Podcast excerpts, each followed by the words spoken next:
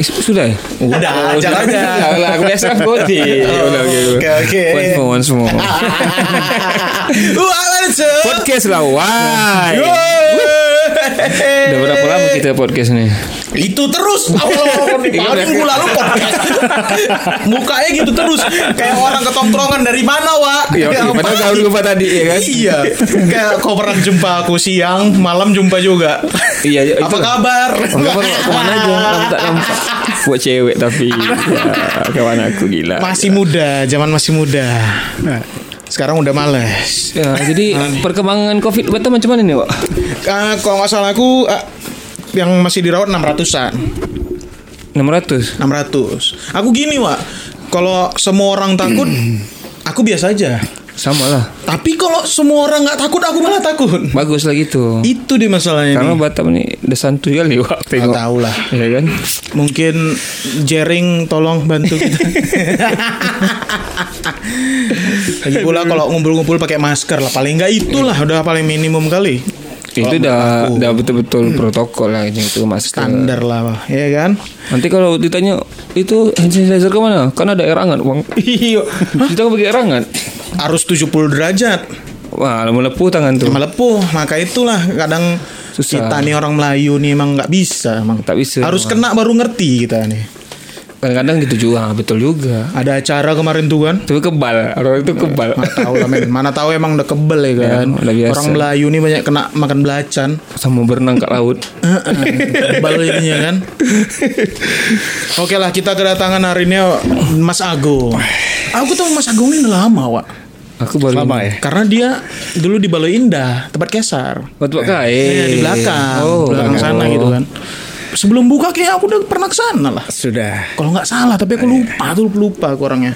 Nah, Mas Agung nih bisa dikatakan pelopor lah.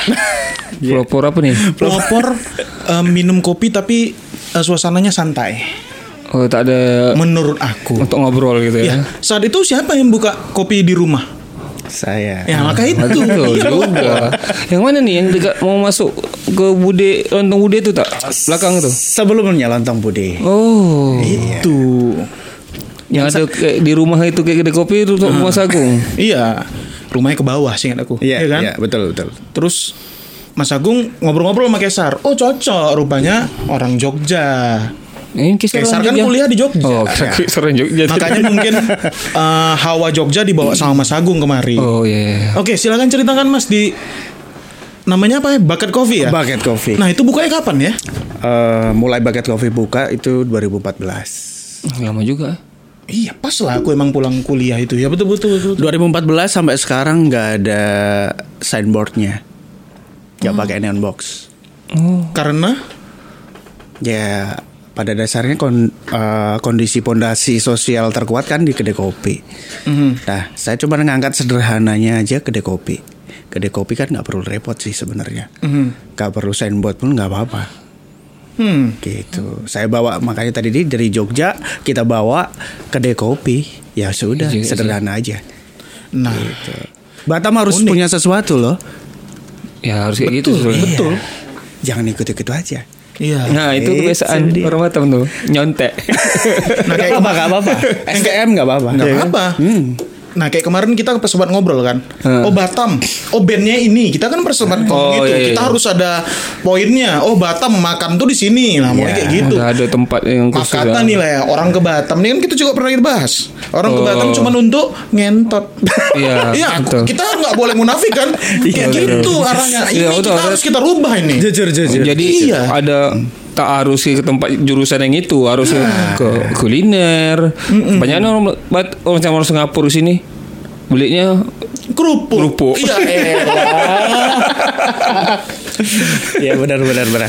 Itu citra itu sudah melekat sama Batam sangat tebal sekali. Mas, betul, Mas. Eh, Apalagi di Pulau Jawa. Sebelum saya berangkat aja, saya ditanyain kamu mau jadi apa di Batam. image image orang Jawa terhadap Batam itu gimana? Iya, Coba. ya, ya begitulah. Eh, om-om saya yang nanyain kamu mau apa? Kamu mau ngapain di Batam? Mau jadi apa? Jadi gigolo ya. Iya. Yes. Gitu ya. Batam memang sudah ter pakai itu. Dulu dulu mungkin sekarang sudah berkurang. Masa Mungkin, otak banyak-banyak? mungkin. Aku waktu kuliah 2009 Dari mana? Batam ya? Oh HP katanya bisa kiloan Dari mana HP kiloan? Ya kira zaman-zaman beras? itu, tak zaman-zaman itu mungkin wak itu pakai kilo kan soalnya barang-barang rusak wak. Gak tahu lah Sebelum dari mana wak itu sebesar sekarang, dulu kan dia jual HP rusak di Bengkong. Masih ingat aku di Pasar Ukaramai.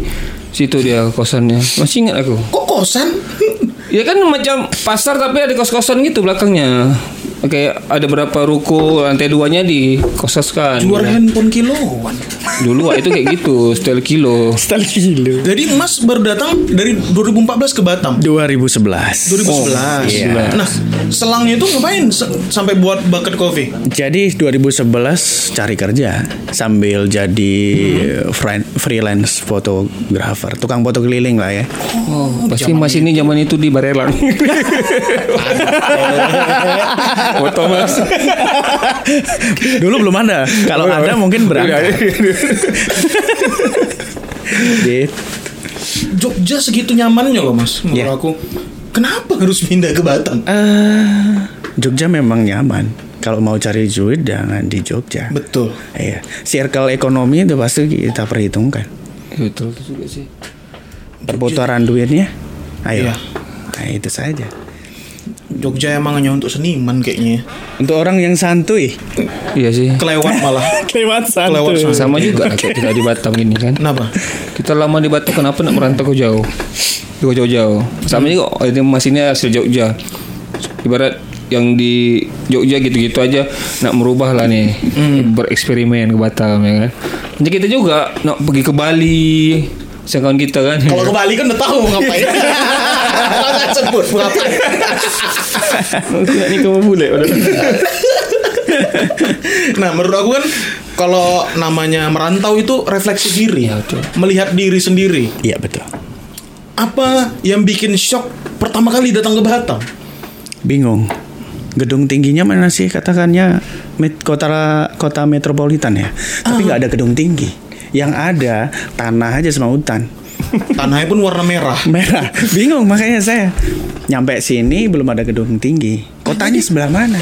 Jadi ke Batam itu nggak tahu apa-apa gambar Nggak tahu. Oh, emang. Ya, yang mall kita aja. Hotel tak usah hotel aja paling tinggi. 13 lantai atau 14 lantai planet. Iya zamannya itu ya. Zaman itu. Itu paling tinggi. 2010-an itu. Saya bingung kotanya di mana kotanya. aku pun sampai sekarang kota. Batam nih kota dekat mana? Kotanya kau sekarang Gak tahu. Bayangan saya dari Jawa, Batam itu seperti Jakarta. Ataukah mendekati Singapura. rupanya meleset Ternyata nyampe sini lihat kiri kanan kiri kanan, eh kok tanah merah sama hutan ya. Terus gua mau ke mana gitu? pasti orang pertama Batam linglung Pak. apalagi mas ini sendiri sih ada- Sendiri, Ah, sendiri, sendiri. Sendiri. Single fighter Single fighter, benar main tunggal Main tunggal. Makanya bingung kan. Waktu bikin kedai kopi. Ya, ini masuk ke kedai kopi ya. Saya nggak tahu pelanggan saya siapa. nah Ditanya, Mas tujuan pasarnya buat siapa? Gua nggak tahu. Gua coba aja. Di dalam situ lagi Iya. Terus gimana responnya? Responnya ya perlahan bagus. Ah, edukasi yang baik ya kan. Sedangkan budaya Batam tahu sendiri ya. ya mas. Kalau mas-mas ini udah hafal. Minum kopi kalau nggak pakai gula zaman dulu Pasti ditanya Mas kopi rasanya kok kayak kuah soto? Ya. Kalau kalau kita di Jogja udah biasa ya. Iya, ada. ya kan? Udah ada Pasti udah ada gitu loh Udah berkembang gitu saat itu. Jogja dengan klinik kopinya itu Nah dia. Kalau di sini Mas kopinya kak kayak kuah bakso nggak ada gula ya Kok pahit mas gitu Itu reaksi mas gimana? Saya Hmm. Sabar aja Kita kasih edukasi yang baik Edukasinya gimana? Misalnya nih Kita emang gak ngerti kopi nih kan man aku apalagi aku Ah mas Eh. ini kok amber gini gak ada ininya Nah Ah. mas gimana ininya ke kami? Jadi kita jelaskan, ada kita jelaskan kopi Indonesia itu ada dua macam, Arabica sama Robusta. Emang ada jenis lain? Yang ketiga namanya Liberica. Apa tuh? Ah, Liberica itu eh Arabica yang ditanam di dataran rendah. Nah, itu jenis varietas baru Liberica. Susah nih tak paham Gampang sih. Asalkan gorengnya hitam pasti jadi kopi kan. Oh, itu simpel. Kita ngangkat simpelnya aja. Kalau berbicara ribet akan lebih ribet lagi pusing kita. Oke, Arabica Yes. sama Robusta aja. Itu apa tuh? Arabica itu yang tumbuh di ketinggian 1100 MASL ya ke atas Oke. sampai 1800. Uh, karakter rasanya itu lebih ke fruity, juicy, wangi, Oh, aromatik. wangi-wangi. Iya. Sedangkan kalau robusta itu kan kopi klasik yang seperti kita minum di Morning Bakery.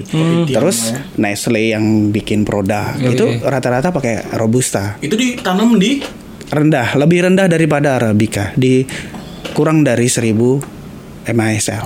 Nah, kalau dari rasa Dari rasa robusta lebih klasik, ya lebih gampang dinikmatin oleh culture Iya sih. Culture atau kita di- Hmm. kelas-kelas konvensional. Ah, dari dulu dari kecil kita diajarin minum kopi warnanya hitam dikasih gula, Nah, ya gitu. Itu kalau yang diajarin begitu. Asam Tapi saya diajarin minum kopi bukan pakai gula. Pahit gitu.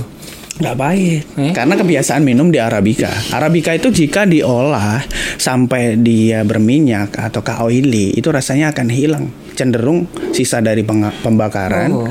Sama minyak-minyaknya aja Rasa-rasa buah-buahnya nggak ada Nah, kita kan ngomong kopi nih. Yes. Kok dia ngomong buah? Coba. Nah dari mas sekarang saya tanya dulu tolong, Tapi tolong dijawab ya Kopi itu golongan rempah atau buah?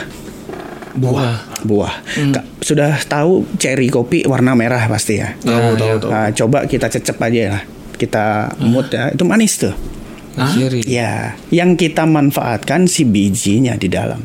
Kan ada lapisan-lapisan exotherm, ya kan? Endotherm, ya kan? Itu lapisan-lapisan yang paling akhir itu yang dipakai. Gimana gimana kopi itu punya cita rasa buah itu tergantung unsur hara tanah, ketinggian lagi dan proses pasca panennya lagi. Oh, ribut juga. Ya, tapi jangan diribetkan. Indonesia saat ini sudah turun di peringkat nomor 4 dunia penghasil kopi. Lah, kenapa turun? Sebelumnya Sebelumnya nomor satu. Oke oke oke. Nah, sebelumnya nomor tiga. enggak. Setahu aku nomor satu Brazil ya. Ah, Sampai katanya Ethiopia. kopi dibuang ke laut Brazil. Ya nggak bagus dibuang. Iya. Nggak layak. Lumba-lumba makan kopi. Iya, betul tak tidur dia. Nanti nggak tidur ya, ikan nggak tidur. Karena gini megang celana. Lomba-lomba berhasil masuk Batam lempar ini. Kena ikan biar enak. Karena aneh juga nih mas. Kalau di lingkaran kami nih, kalau udah megang kopi tuh mabuk. Ada temannya kecil. Ada kecil. Ada, ada. Biar nyelam katanya. Tapi saya rasa sekarang banyak proses ya, banyak proses dari kopi sampai kopi wine proses yang double fermented itu cita rasanya mirip wine. Pusing. Eh, kopi macam wah, bisa Yes. berarti tak vertigo aku minum kopi. Eh kan alkohol mau ilegal nih. Enggak apa-apa. Bisa lah kopi aja. Kopi itu tetap ada ya. Di fermentasi double itu pasti menghasilkan itu tadi. Tapi kadarnya ya, kadarnya nggak terlalu tinggi. Gitu. Setiap biji-bijian pasti ada kadar Iya betul. Gandum jadi bir. jadi bir. Iya kan? Beras seperti jadi itu. ciu. Beros ciu. Masa kali. Beras itu. Ya benar benar ciut ciut. Setuju setuju. Aku udah pernah ke pabriknya Ya, bekonang. di Solo. ya, cium bekonang. Oke. Ih, Nah, gitu. Tadi kenapa turun dari peringkat 3 ke peringkat 4? Ah, Yang nyusul kita siapa? waduh. Vietnam. Oh, mak kopi Vietnam. Nah, jadi gini, eh saya sedikit agak prihatin juga ya, bukan apa kali ya. Untuk tahun 2016 sampai tahun 2018, 19 pertengahan kita masih di kisaran rings ketiga. Kenapa kita bisa turun turun keempat, sedangkan eh turun keempat, sedangkan kita kita ini penghasilnya terbesar nomor 4 di dunia. Karena konsumtif dari masyarakat kita itu ranking 20 ke atas. 20 besar. Nah, belus 20 Ngomong besar. nih ya, oke. Iya. Nah, ini di 20 besar ini nih tingkat konsumtif masyarakatnya. Nah, orang Indonesia kalau minum kopi udah duduk ya. Duduk lama kursinya sampai bengkok ya kan. Iya juga. Nah, HP-nya karena kopi itu landscape. masih jadi tren, bukan kebutuhan. Jadi passion, jadi style. Jika gua minum kopi di coffee shop yang keren, gua pasti keren. Pasti Bukan kayak gitu konsepnya kan. Coba kita mungkin lihat dari budaya orang Eropa, Jepang. Memang kita kalau merubah budaya itu udah susah, apalagi Melayu sini ya. Susah. Cuma kita eh, sedikit lah kasih hal yang baru. Makanya saya bertahan di lorong yang kecil depan rumah. Dan Kalau bertahan 4 tahun ya, eh 6 tahun ya. Ya alhamdulillah. Karena memang di kopi itu pasti sama. Kalau di bisnis F, F dan B ya, alias F&B itu harus quality is number one. Baru ke passion. Tapi kalau ngebangunnya passion dulu. Jangan bisnis dulu. Tapi gila ya kopi ini sampai kayak ekonomi juga ya. Starbucks nongkrong di Starbucks, eh, kopi ya kan. Iya, Foto. Iya. Nah, itu banyak yang dari pengusaha kopi sekarang itu tidak mempelajari sisi dari Starbucks. Apa tuh? Ya, politik bisnis dia tuh cukup luar biasa. Contohnya? Nah, ini sekarang contohnya. Sekarang eh, pada saat ini mungkin abang-abang sekalian kan melihat ya eh, perkembangan coffee shop di Batam sungguh sangat menjijikkan mungkin bisa jadi. Menjijikkan. Terlalu banyak. Terlalu banyak. Sedangkan geografis Batam seberapa sih, Bang? Saya mau tanya. Iya betul. Oke. Jika semua dalam satu daerah lebih dari 10 coffee shop, apakah yang terjadi? Gak tahu. Berkembang nggak itu? Dan rata-rata yang diminum specialty coffee atau kopi susu? Nanti nasibnya akan jadi es kepal Milo nggak kira-kira? es kopi Iya. Nah, tapi ada sisi bagusnya juga.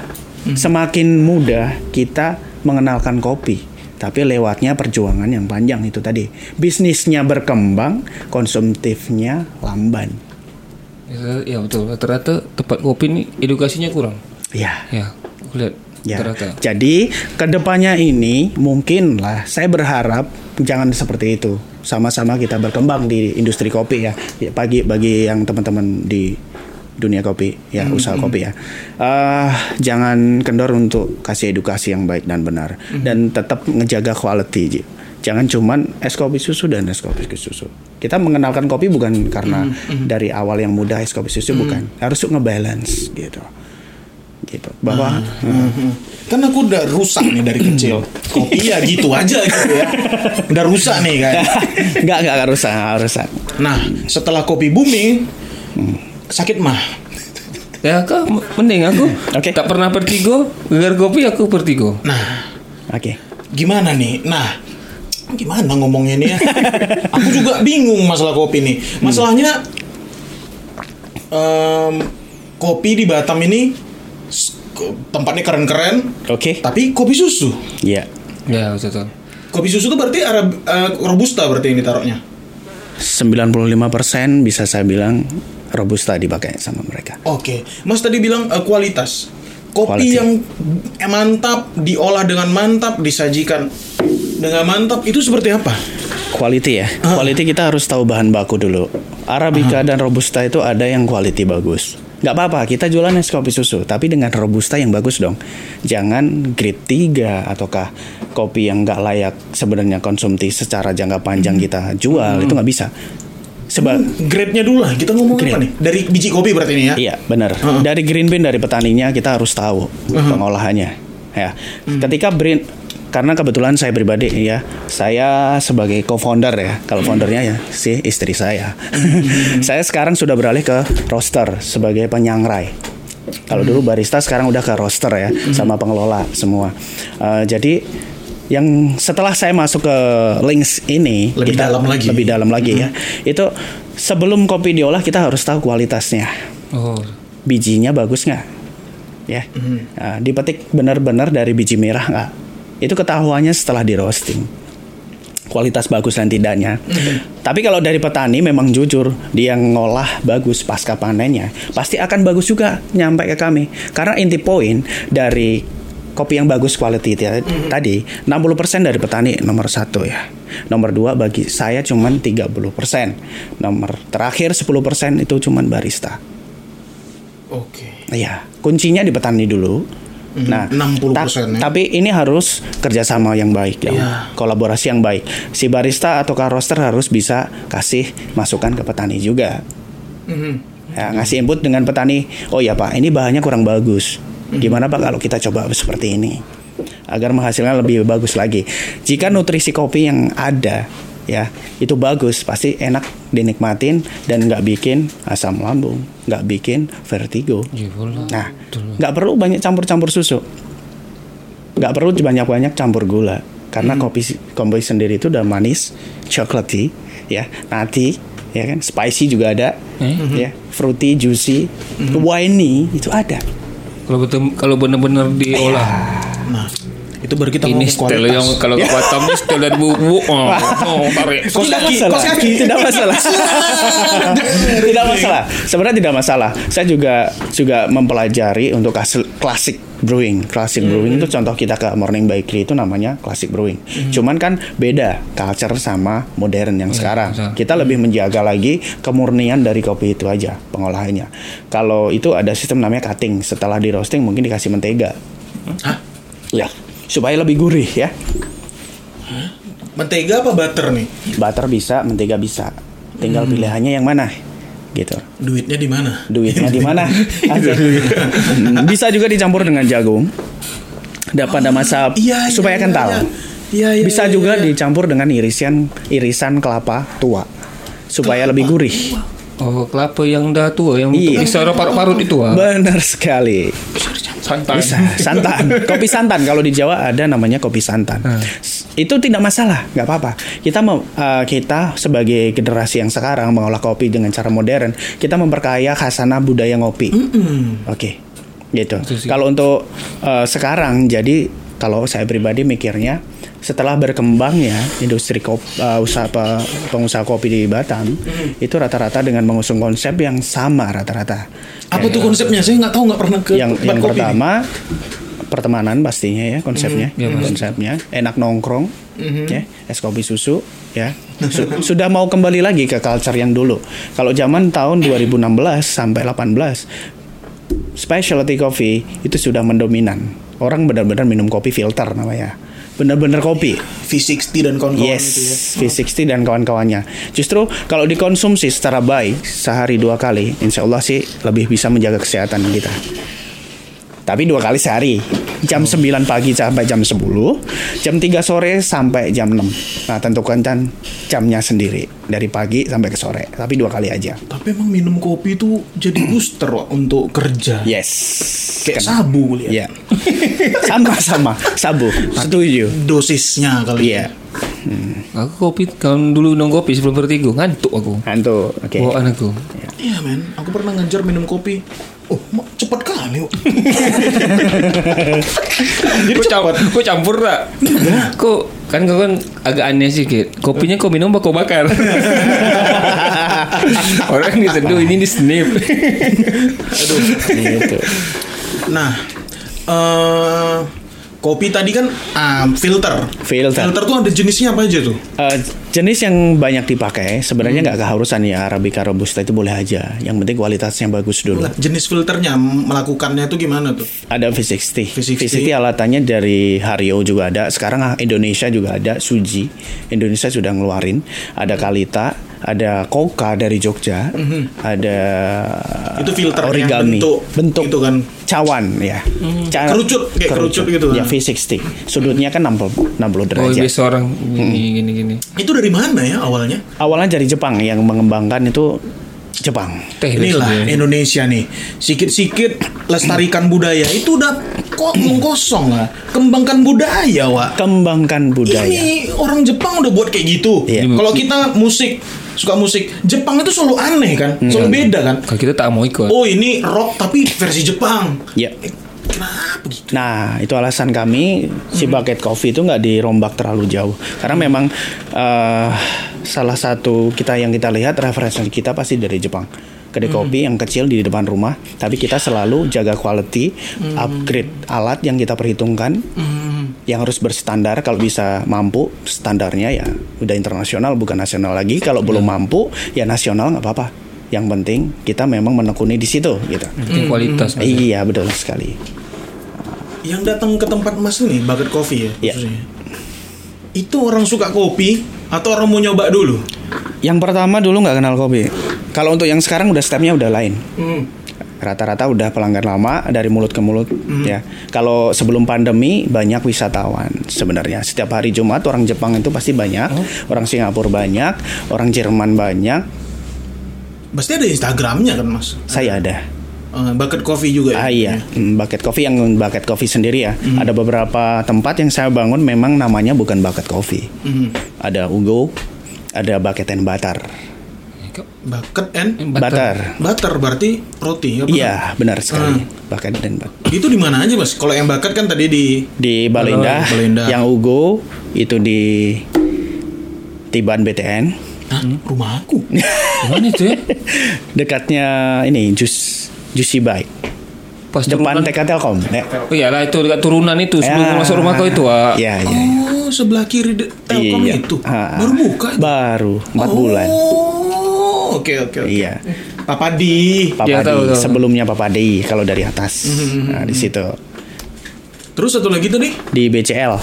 SMA 3 lurus aja terus. Aha. Sekolah penerbangan. Oh oke. Ya. Ada di sana itu masakan tarempa ya. Ya, sup tulang, sup tulang Oh, belakang sup ya. tulang, Ya. belakang, belakang sup tulang. Ya, belakang sup tulang di situ. Nah yang butter nih apa lagi mas? Kok- Ya, ya, bucket and butter itu.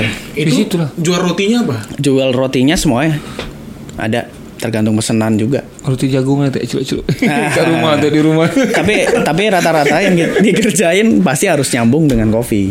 Hmm. Mhm. Kopi tuh kalau celuk-celuk makan roti yang unibis itu yang tawar. ya. Itu kan Enak. kopinya harus manis. Iya, kayak gitu. Kan ada juga rotinya yang manis. Berarti rotinya manis, kopinya yang nggak pakai gula. Gak ngerti aku gini-gini. nih. Yuk kita coba yuk Engkau asam lambung aku bertiga Ah, Nggak, nggak ada masalah sih Nah sebenarnya. gimana tuh mas? Nah, Ma- itu, Mas. Menghadapi masalah kami, nih. Kami-kami nih Ngopi yang jamnya yang baik. Kalau nggak gitu harus makan nasi dulu, karbo lah, karbohidrat. Saya sering kok gambling. Siapa sih pelanggan datang saya kawarin kopi, mas saya nggak ngopi karena mas saya, saya punya Sakit ya. sakit lambung, asam lambung. Saya gambling terus dulunya ya. Tapi sekarang udah nggak gambling lagi. Karena udah tahu ya. Udah tahu. Ya. Coba kopinya jangan dikasih gula. Coba kopinya nggak usah perlu dikasih susu. Lah terus mas, ya pure coffee. Hmm. Saya akan buatkan yang memang dasar orang baru pertama minum kopi yang nggak pakai apa-apa. Hmm. Cukup pure coffee. Reaksinya dia? Alhamdulillah nggak pernah ada masalah dan balik lagi. Aku tak pernah aku merasakan biar kopi tuh macam mana Masa? Pernah Pernah. Aku tak pernah Selama aku hidup ni tak pernah Pure coffee It's okay. Lebih enak daripada dicampur macam-macam. Bukannya saya di pekerja ya, saya juga minum kopi kok. Minum kopi yang kasih gula, kopi tiam, kopi culture saya masih minum. Tapi saya tahu kopi yang harus saya nikmati yang mana. Kalau menurut mas nih, Ya, di luar eh, coffee shopnya mas, kedai kopi mana yang mas ang ancukan jempol nih? Ini dedikasinya bagus, kualitasnya mantap. ada beberapa. Hmm. Ya. Yang pertama itu ya masih linknya nggak jauh dari Morning Bakery ya. Itu ada di Niaga Mas ada Here Coffee. Oh itu kemarin Iya, Kemarin itu bagus. Itu kenapa mas bilang bagus tuh? Yang punya pasti sudah tahu standar. Hmm. Oke, mereka udah banyak. Saya nggak mempermasalahin ke kopi dicampur susu. Contoh cappuccino dan latte itu pengerjaannya lebih ribet daripada kopi filter tadi. Karena Kalibrasi kopi sama kali supaya nyambung ketemu susu menghasilkan rasa manis tanpa kasih gula itu lebih ribet. Susunya harus benar, foamingnya harus bagus. foam tuh apa busa ya? Iya, espressonya juga harus bagus. Mesinnya lagi, mesinnya lagi harus bagus baristanya juga human temperatur udara kali kan, ngaruh juga kali. ya? semuanya temperatur udara air Oh mak ribet juga ha. Kita setel Kita setel kopi dah Nah. Campur susu kacau nah nggak masalah nggak masalah nggak masalah itu nggak ada masalah bagi kami pekerja kopi memang harus begitu kita untuk nyadi, nyajikan sama customer Kualitas ya. itu Yang harus sesuka itu customer. itu namanya Kak, kualitas yang pertama tuh hair coffee oke it's the best yang kedua pasti anchor Kenapa tuh? Itu rame kali tuh ya. Anchor selain kopinya berstandar itu kopi-kopi style Amerika, Australia kayak gitu. Yang gampang dinikmati aja. Terus restonya yang lebih bisa mengangkat. Nah, si owner mengangkat makanan yang dari kampung dia. Itu makanan yang dari kampung dia, yang udah terbiasa dimasak oleh orang tua mereka. Oh ya, dijual. makanan sehari-hari. Nah, jadi pengusaha itu kan harusnya begitu. Apakah yang kita suka, yang itulah yang kita jual. betul mas, betul betul. betul. Ya, apakah yang eh, keseharian di rumah kita kalau bisa dijual, ya nggak apa-apa. Hmm. Yang diciptakan oleh orang tua kita, mama kita kan, atau tante kita, nenek kita yang dulu, tak perlu malu gitu. Ya itu adalah hasil gitu. Anchor sekarang itu. Lagi pula letaknya juga strategis. Dan kerennya dia tutup jam 5 sore sih nggak? Sekarang sudah nggak, sudah Oh, sampai enggak? malam Sem- semenjak panjang pandemi ya. Tapi eh, Anchor didukung oleh kebiasaan warga Indonesia. Jika yang punya bule itu udah itu udah biasa ekspatriat Ya, ekspatriat ekspatriat. itu. Aduh. Jika yang punya bule nggak usah, nggak usah, nggak usah capek. Iya sih. Iya. Lucu sih. Kenapa saya bilang bisa bilang begini? Biasanya orang yang lewat kedai saya pasti under underestimate. Ini tempat apa sih? Gue gak jelas gitu. Iya juga sih. Ya kayak angkringan aja. Ya memang saya memang warung kopi. Saya angkat sederhananya aja. Tapi coba deh belok. Hmm, rasain dulu lah. Iya nggak? Coba deh belok. Ya sini yuk belok gitu. Bukannya saya merasa jago, tidak, tidak seperti itu. Eh, saya suka dengan komunikasi yang Ya dua arah. Mhm, mhm. Face to face enak. kan? Iya. Ya. Hmm.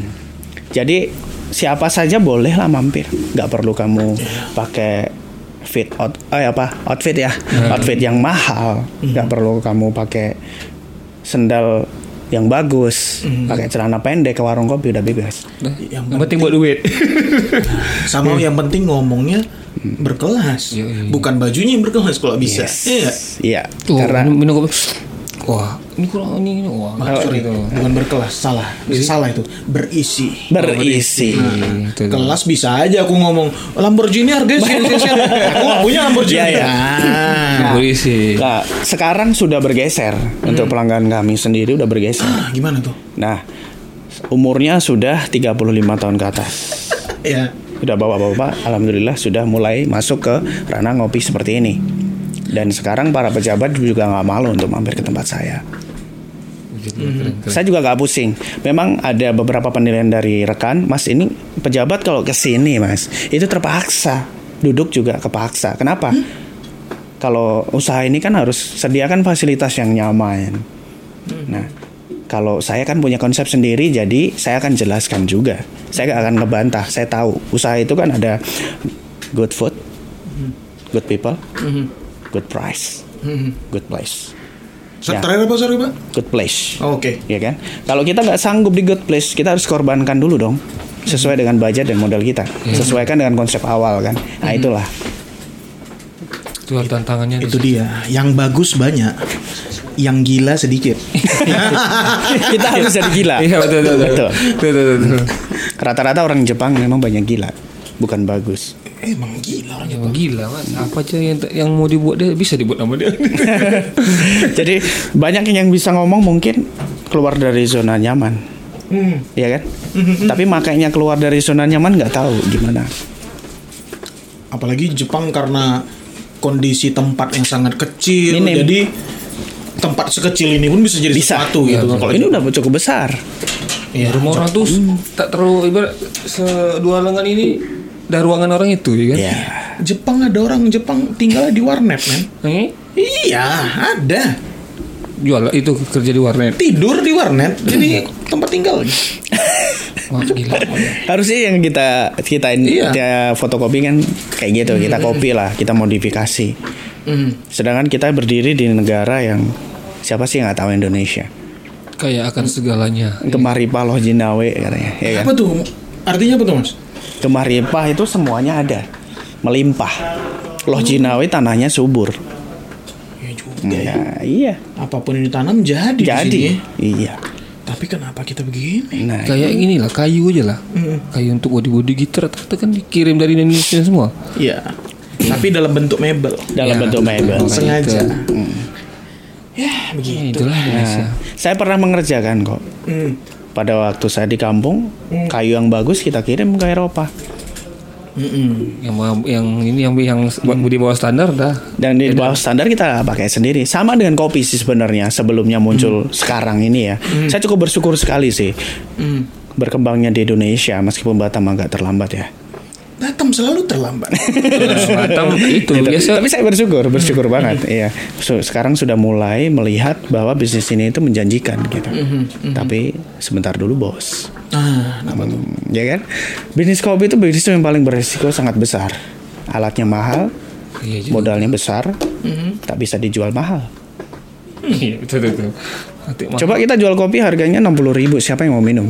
Apakah konvensional, pasar konvensional bisa kita masukin dengan kopi yang 60.000 ribu? Bisa, bisa. Apalagi kopinya nggak pakai gula. Itu kenapa orang luar telepon keras-keras kali itu? Ya, ini sini pun kali kolektor Maksudnya kita nih. Ah, itu, itu Nah, dia. jadi nah, tapi gitu masalahnya kayak Anchor harganya juga 50-an kan. yes, Eh, apa namanya Starbucks ya. Bisa segitu. Oke, Starbucks dia jual branding ya. Branding Jelas. awal dia sudah besar. jadi. Tapi kita boleh lihat yang minum ke Starbucks banyaknya apa? Frappuccino. Frappuccino itu apa mas? Frappuccino nah, itu kita, kan kita blend. ngobrolin lagi nih kopi yang pakai mesin nih sekarang. Pakai Tadi kan mesin. nggak pakai Oke. mesin. Ada frappuccino, ada cappuccino, ada latte.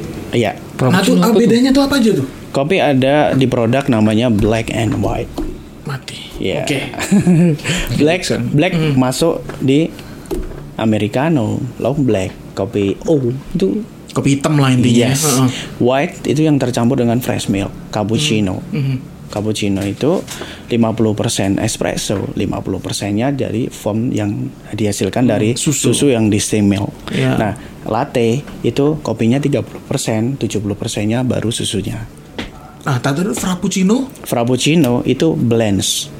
Blend itu kayak apa ya? Kalau di bar itu namanya uh, fusion ya.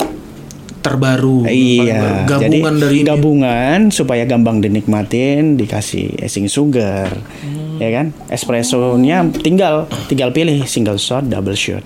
Tetap ada campurannya susu sama gula. lain-lain. Jadilah signature. Mau toppingnya apa gitu ya? Nah, itu kan. itu yang muncul. Mawas diri Anda pesan cappuccino, espresso, Hmm. apa tadi latte atau frappuccino. Mawas Nah. diri Anda. anda buang duit loh 50 ribu. Iya kan? Iya. Karena untuk ini rata-rata itu untuk tren, untuk fashion, Wak. Itu Masuk fashion. Starbucks. Siapa yang nggak minum Starbucks terus nggak usah diboto Ya, betul. zaman sekarang. Aku Aku juga handphone buram waktu zaman itu. Tapi kan nggak banyak. yang terbanyak minum Starbucks pasti di pasti di foto. Eh, semangat kakak. Abi apa? se- semoga harimu indah. Pinter sih tapi dia buat buat Iya. kayak gitu. Iya. Cantiknya kamu bikin aku nggak tahan. Pada laki-laki. Pada laki-laki. kan? Iya. Tapi itu men, orang Indonesia itu bangga wa di Starbucks ditulis namanya. Kok di Jepang nggak ada wa? Nggak ada. Pakai nomor. Iya. Orang Jepang takut privasinya tahu wa. Diketahuan. Iya. Oh namanya misalnya Udin, Saparudin. Ya tinggal cari di Instagram sekarang segampang itu. Oke, kalau aku di Starbucks nama aku Ajo, tak tahu dah Ah, Ajo. kayak gitu man. Tak Iya kan? asli. Orang Indonesia, orang Indonesia. Bangga jadi warga negara Indonesia karena mereka sangat terbuka sekali. Iya sih. Sedangkan nggak usah jauh-jauh, ya. Eh, untuk di Australia di bagian Perth ya, di kota Perth itu Starbucks nggak ada. Ah, oh iya nggak ada, iya iya iya. Kalau nggak salah aku pernah tuh di dibuat filmnya bahwa kenapa Starbucks bangkrut di Australia. Iya. Pernah disebut tuh kenapa tuh mas ya? Ya, mereka sudah sadar mereka lebih memilih benar-benar kopi. Meskipun mereka minumnya nggak ada masalah ya. Untuk di cappuccino, latte itu nggak apa-apa. Tapi kopi special, specialty coffee, kopi yang bagus. Bukan kopi passion ya, bukan kopi lifestyle. Tapi mereka butuh kopi. Ketika pagi berangkat kerja, Kopi. minum kopi, sarapan sudah cabut. Oh, Udah kebutuhan jadi mas. Sudah kebutuhan. Jadi kopi itu salah satu kebutuhan.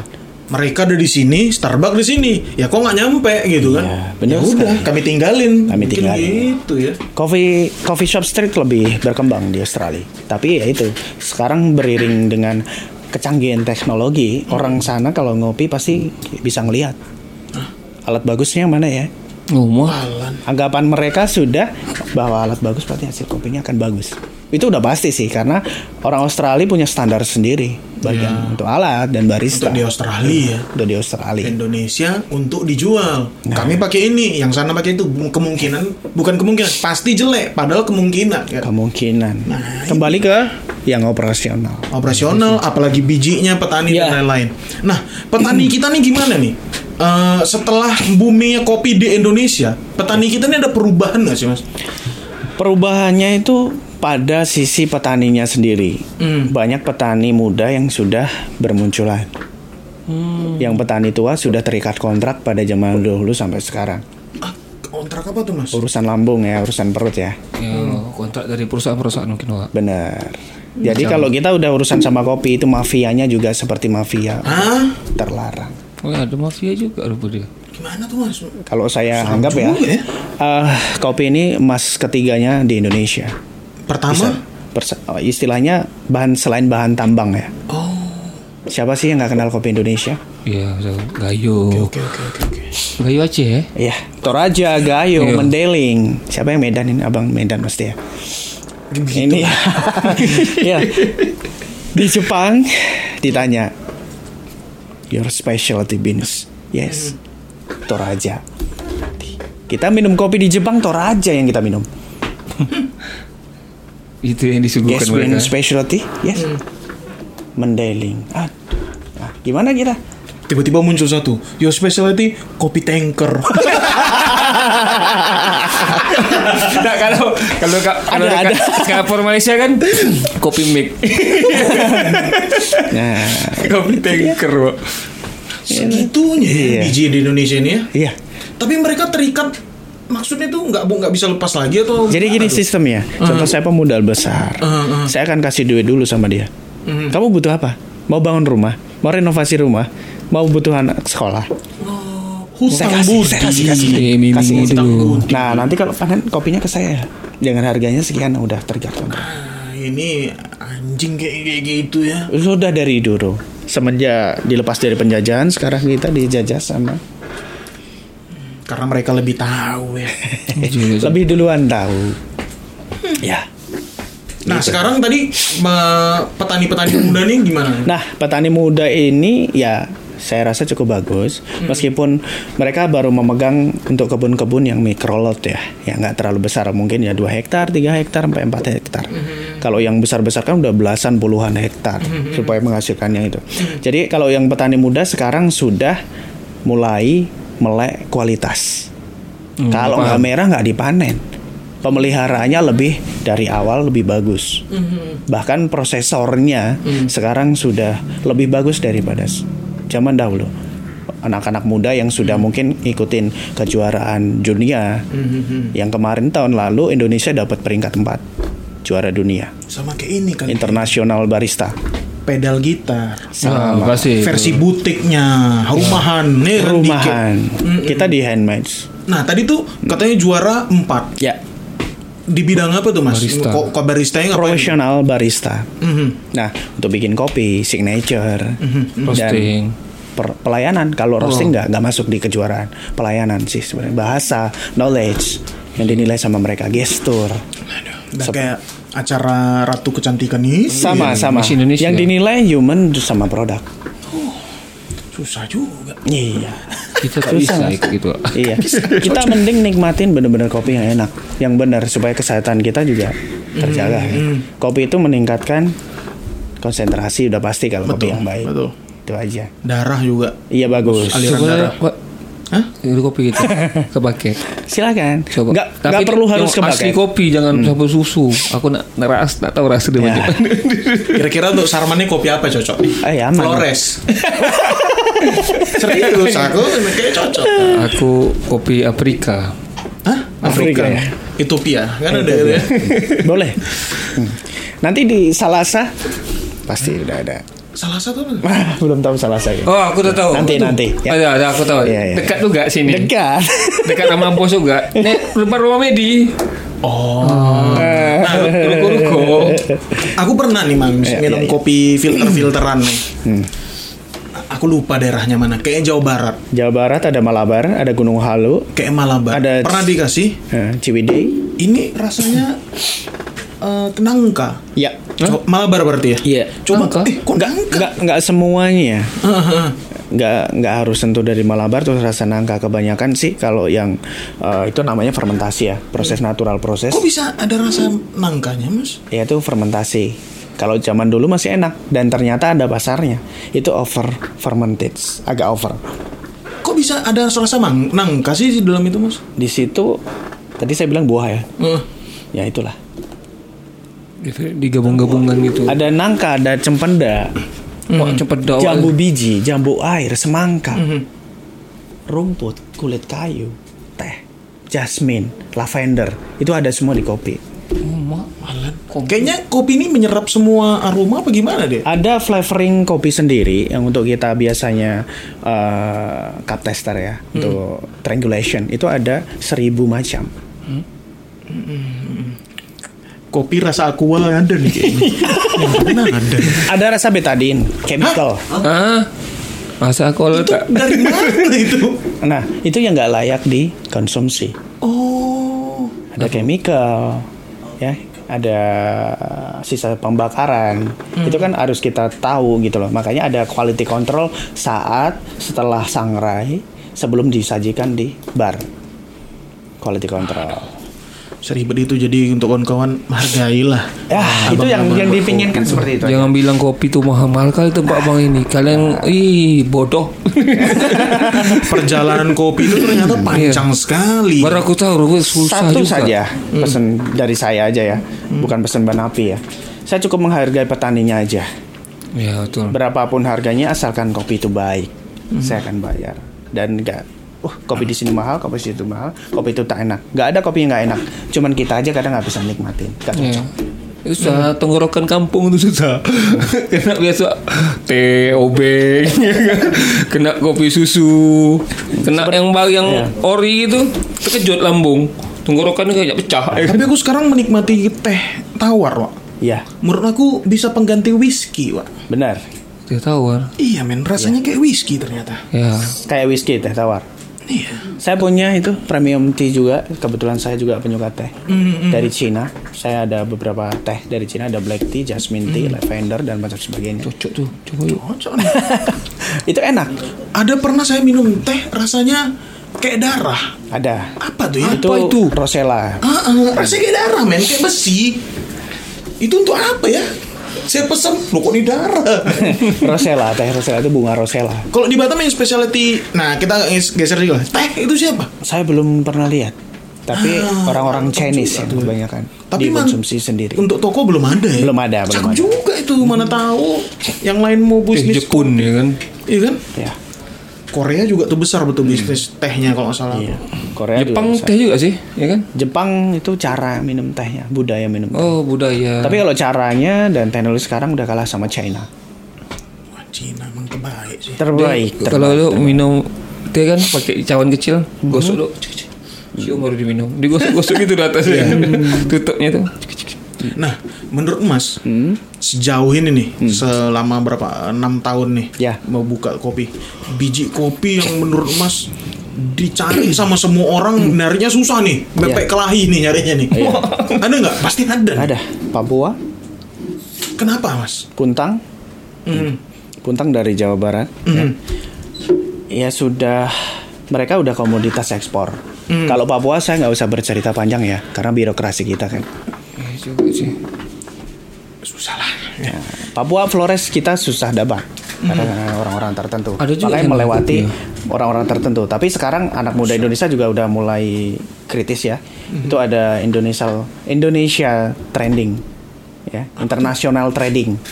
Trading Indonesia international trading. Apa tuh Mas? Nah, jadi kopi yang bagus-bagus ini udah bisa nyampe ke pengusaha kecil seperti saya lewat Hmm. dia. Tepat ya ini bahasa kasarnya tengkulak lah, tapi menyalurkan yang baik ya. Hmm. Dari luar negeri bisa, Indonesia yang terbaik juga bisa. Dari Calo, sama. Calo. Itu sebenarnya kita nggak nyalain, itu se- sebagai sistem bisnis ya. Ya, ya. Ya itu harus itu mas. Supaya berjalan regulasinya juga lebih bagus gitu. Dari Papua ya. Iya. Itu harganya pasti Mas bedain atau enggak? Eh, kalau di tempat saya tidak. Enggak ya. udah pukul rata meskipun dari sana memang udah pasti berbeda akan lebih mahal Flores Flores Papua itu pasti akan lebih mahal Pesawat dia mahal kok. Betul, betul sekali. Sekilo biasanya bisa nyampe 200 ribuan lah. Nah, itu kan dari masalah harga dan Iya. kesusahan mencarinya. Iya. Kalau menurut Mas, ini biji kopi terenak yang paling saya suka nih objek eh, subjektif Iya, lah ya. Subjektif ya. Heeh. Kalau subjektivitasnya saya cukup dengan ini sih proses yang baik dan benar dari petani. Nggak peduli itu dari mana. Tidak peduli dari mana. Mhm. Yang penting densitasnya itu tadi berat masanya baik, nutrisinya baik, gampang diolah pada saat sangrai dan kita olah gampang juga. Itu biji kopinya enak. Hmm. Makanya kalau dalam proses uh, kami yang udah roasting sendiri, petani kirim sampel dulu sama kami. Kirim sampel, cocok, oke kita kembalikan 50%, Pak ini rasanya seperti ini, oke kita masuk baru kontrak. Ada kontrak sekarang. Mantap Iya. Petani ini mantap. Bapak bisa sediakan bahan ini kira-kira setahun berapa ton untuk kita aja gitu. ataukah untuk barang-barang yang lain. Mhm. Ini yang mikro ya, mikro lot ya, kebun-kebun kecil Iya. ya. Oke mas, setahun saya sanggup segini untuk mas. Oke, nggak apa-apa. Kita ambil Tinggal terus. ya. Terbu- per bulan kita ambil terus. Nah, kalau orang untuk yang udah ngerti kopi nih Mas. Ya, Biji apa yang paling dicari orang itu? rata-rata sih arabica. Bukan Arabica tapi dari kota daerah mana gitu.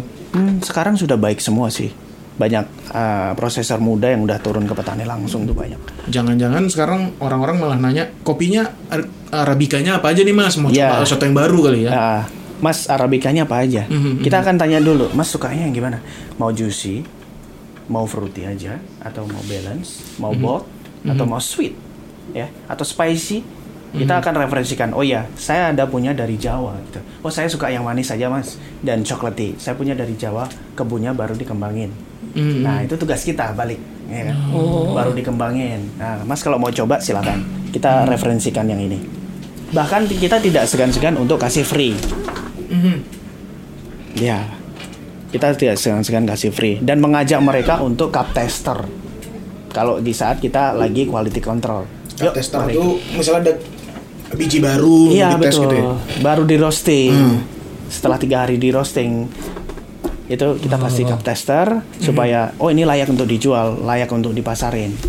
Oke. Kita ajak sama-sama bareng supaya tahu rasa kopi Indonesia biar nggak sia-sia gitu kan.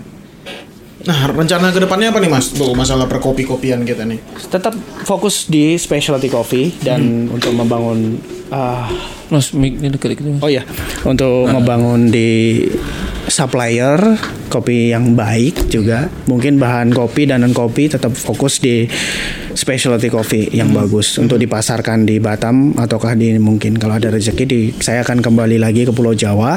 Mungkin bikin bikin pos lah ya Asik. pos roastery ataukah toko di sana agar teman-teman kita yang di daerah terutama di kota kota Jawa pinggiran itu sampai sekarang mungkin masih kesusuan dalam Kesusahan. iya kesusahan dalam hal seperti itu birokrasi ya Nah, itu misinya seperti itu semoga aja eh, kalau yang maha kuasa ngizinin ya cita-citanya seperti itu mungkin next Pulau Jawa gitu Nah, tadi tadi ada kata apanya apa? Di Bengkong apa? Oh, Selasa. Selasa. Ah. ya Selasar ya. Salasa. Apa tuh Salasar? Salasa itu tiga niat sholat maghrib Betul ya ya Ah, Salasa ini saya bangun bersama rekan-rekan ya kan? Eh, bos kita juga. Oh. Saya kawan ini Mas belum Islam dia. Ya. Bukan sih kalau untuk Salasa sendiri itu kan karena kami tiga orang ya udah kita ambil tiga ya. Berbeda visi misi kita jadi satu aja saling melengkapi saya tahu di kopi yang tahu beliau-beliau ini mungkin bisnisnya oke ayo kita jalan Apa tuh? Ini apa nih perbedaannya dengan beda tempat yang lain? Ya, semuanya beda. Yang ini pasar konvensionalnya umurnya 35 tahun ke atas. Hati-hati tuh di depan tuh di bawah itu tak boleh masuk. Pasarnya, boleh. incaran pasar ya. Incaran pasar supaya lebih global aja. Bukannya yang Weh, outfitmu berapa? Bukan, bukannya kayak gitu.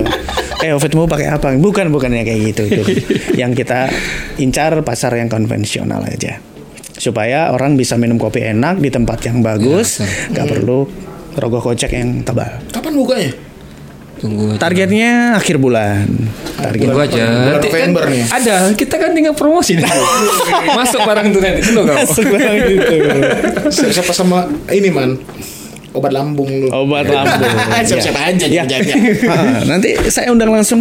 Nah tuh. Ya, kita mau ini pecahkan lambung satu-satu mungkin. Mak pecah ke lambung. Tuh lambung aku cangkok. ah, iya, iya. Kalau mau pecahkan lambung nanti datang Sekali sama-sama. tak apa-apa, Bu. Dok. Ya, Bu, Bengkong ya, bengkong ya. Bengkok. Depan rumah Medi. Ya, orang yang dengar nih nggak tahu rumah Medi di mana, Mas. Dia pun nggak tahu rumah Medi.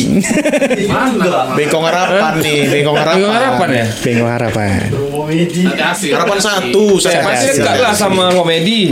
Iya, yang dengarnya tahu nggak rumah Medi di mana, man? Ya Allah. Woi, rumah Medi. Ya. minum kopi nih barengan mah apa ya, Mas? Minum kopi biar rileks ya. Nggak perlu dibareng-barengin sih. Otomatis harus minum air putih dulu, baru minum kopi. Supaya kopi kita nggak pahit. Hah? Ya. Ilmu apa lagi? Gimana tuh? Kalau mau minum kopi, Ini air putih. apalagi minum pure coffee, minum air air putih dulu. Jangan salahkan kopinya yang pahit kalau lidah kita habis ngerokok, habis Iya. makan macam-macam, tekak kita kering. Yang disalahkan ah kopinya nggak enak, Padahal belum dibilas. padahal belum dibilas. Aku pernah makan bembeng. Habis itu makan cap badak yang kaleng. Kan ada rasa-rasanya. Nggak ada rasanya sama sekali. Gila coklat. Padahal Benar manis sekali, itu karena benar sekali. lidah kita udah kebas dengan Iya. ah, Nah, apalagi oke. barang Makanya untuk standar untuk coffee kalau kita ngeklaim coffee shop ya, jika ada pelanggan kita datang dan beliau minum kopi harus ada langsung disajikan air putih tanpa harus meminta.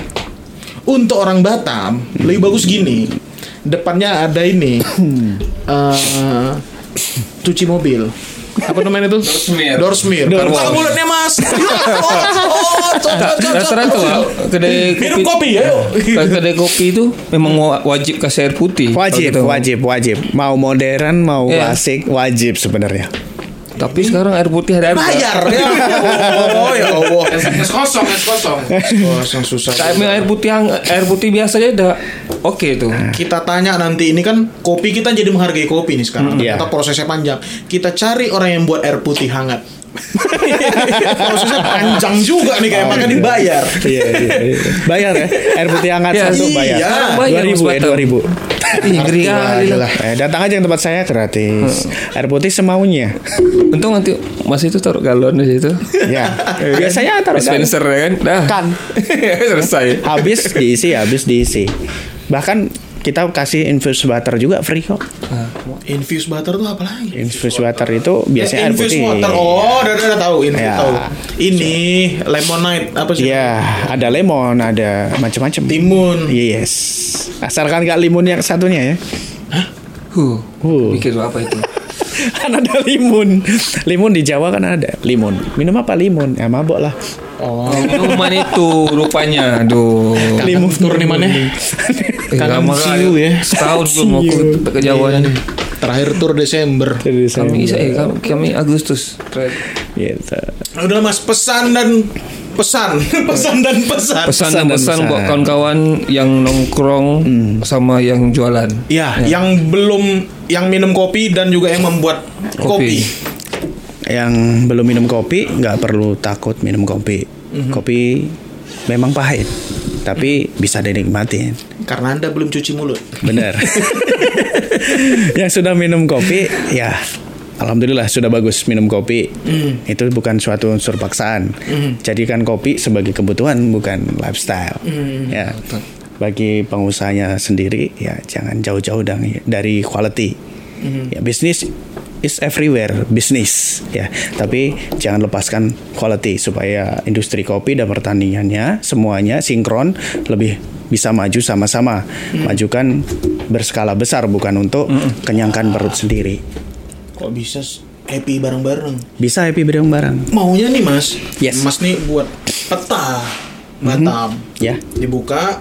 Sudah, ini sudah, sudah. Kopi ini nanti ada lembaran. Oh, si Z misalnya itu gagasan. Zuzu Coffee buka oh di sini di sini Gagasan namanya Batam Coffee Mate dari Batam Coffee Society karena Hmm. sudah ada grupnya di Batam yang sering bikin acara setiap tahunnya di Hmm. International Coffee Day itu Batam Coffee Society. Nah, kemarin di Yes. alun-alun. Iya, saya juga salah satu penggerak dari Batam Coffee Society. ada petanya nggak mas Nah, itu gagasan pertama kita sudah mau kerjakan, cuman ya kita bangga jadi orang Indonesia. Ketika berorganisasi, ada kepentingan di atas kepentingan. Ya, inilah yang terjadi. Nah, saya mohon, saya harap berkembangnya kopi inilah yang bisa ngebantu. Seperti di Jogja ada bat, eh, namanya Jogja Coffee Map. Ketika kita mau ngopi, sudah nggak bingung lagi datang ke itu di mana dapatnya tuh oh udah ada di internet aja. Ada langsung Batam Coffee Map. Kalau Singapura kan udah enak nih, kita Yeah. datang langsung bisa map gratis kan. Yes. Kalau mau wisata apa ada nih semua. Yeah. Zerat bukan, langsung semuanya. Ya, saya Di bagi Batam gitu juga. Ya, ya itulah kita. Eh, bang, buat san- buat santai lah bang. Ini mau happy happy kita ya kan, bukan masalah gini gini Iya, iya, gitu. iya. ya Kalau kan? tempat-tempat Iya, iya, iya. gitu luar kepala. ya kan? Ya, seharusnya dibuat lah yang Iya. ya jadinya ya. Taruh di Harus bandara, jaga, taruh di ya. jaga quality dan modifikasi jangan berhenti. Betul. Nah, kita maju sama-sama untuk bahwa tunjukkan kita itu bisa dan kita itu sebenarnya kaya. Kaya kali. Sebenarnya kita kaya, kaya dari budaya dan macam sebagainya kita itu kaya. Gak perlu kita kecil hati, kita minder gitu. Iya, saya betul. bisa, saya aja bisa, Anda sekalian pasti bisa. Ya, mudah-mudahan. Dengan modal 7 juta, ya alhamdulillah, ya alhamdulillah sampai sekarang saya masih bisa ber Ya. Membagi 7 juta. hasil. Yang penting apa? Konsisten. Konsistensi. Niat, ya kan? Ada lagu Konsistensi. band kesukaan kita. Eh, kesukaan aku. Oh, Al Haq Al Yakin. Yes. Oh, itu ya. Oh, Om, ada Oh. band Amerika. Al Haq Al Yakin. Heeh, dengar band itu. Sebenarnya satu aja juga, Ah. satu aja. Biasanya kalau anak muda kita itu udah usaha, udah agak melambung dikit, kadang lupa darah tangan bisa. Banyak-banyak kayak gitu. Sebenarnya bukan itu. Kalau bisa pakai, namanya juga kerja keras, cerdas, ikhlas ya. Iya. Itu harus dipakai memang. eh kerja keras itu udah wajib. Ya. Wajib lah. Ah, ya, itu udah wajib kita. Tapi kalau kita tidak diizinkan, nggak akan terjadi apa-apa. Ya, betul Mas. Katanya si Habib, is not my is Allah. Ya, itu harus dipegang sih sebenarnya. Bukan saya yang hebat, tapi masih diizinin kasih rezeki kan gitu. Oke lah, Siap. kopi mantap. Kami nak coba kopi asli. Nanti lah, mau coba kopi lah. Harus harus ngopi harus ngopi. Hmm. Harus coba. Mana tahu tak vertigo, berarti cocok. Ya. Iya. Ini sih minum kopi sikit jadi. Tapi saya potong dulu. Kalau minum vertigo kopinya apa tuh? kopi susu sih. Oh iya oke siap. Udah tahu. Kalau asam lambungnya kambuh pas minum kopi apa? Kopi apa aja? Oh iya oke. Kopi filter juga pernah langsung Nah, Kah iya, kontak kena juga. Oke siap. Ya, ada kacau lah. Saya bahkan saus McD demam. saus KFC nggak masalah. Oke oke. Ah, pilih-pilih udah. Iya iya. Bicola oh Big No. Big no. Bahaya. Yes. Kalau yang besar Wih, paling bahaya Picola men. Oke lah, Oke oke. minum kopi tapi jadikan pelajari kebutuhan. juga, Jadi, pelajari jadi juga. nggak bisa kopi jadi kebutuhan juga. Iya, pelajari itu sedalam-dalamnya. Eh, orang Batam apa-apa tuh nanggung. Iya kan? Iya. Semua tuh nanggung di Batam. Kita bingung, kita susah. Jangan tahu kalian duduk di Starbucks aja. Iya, Starbucks mungkin keren. Mungkin kayak laki-laki bisa nengok cewek, Nengok cewek, ya kan? atau yang cowok bisa, Bisa nengok eh, yang cowok. cewek nengok cowok Oh, iya, gitu kan. iya. Boleh. Tapi gimana kalau semua cewek cantik ke coffee shop lokal? Nah, apalagi yang di pinggir-pinggir. Huh. Kami ke situ. Oke. Wah, Podcast kopi.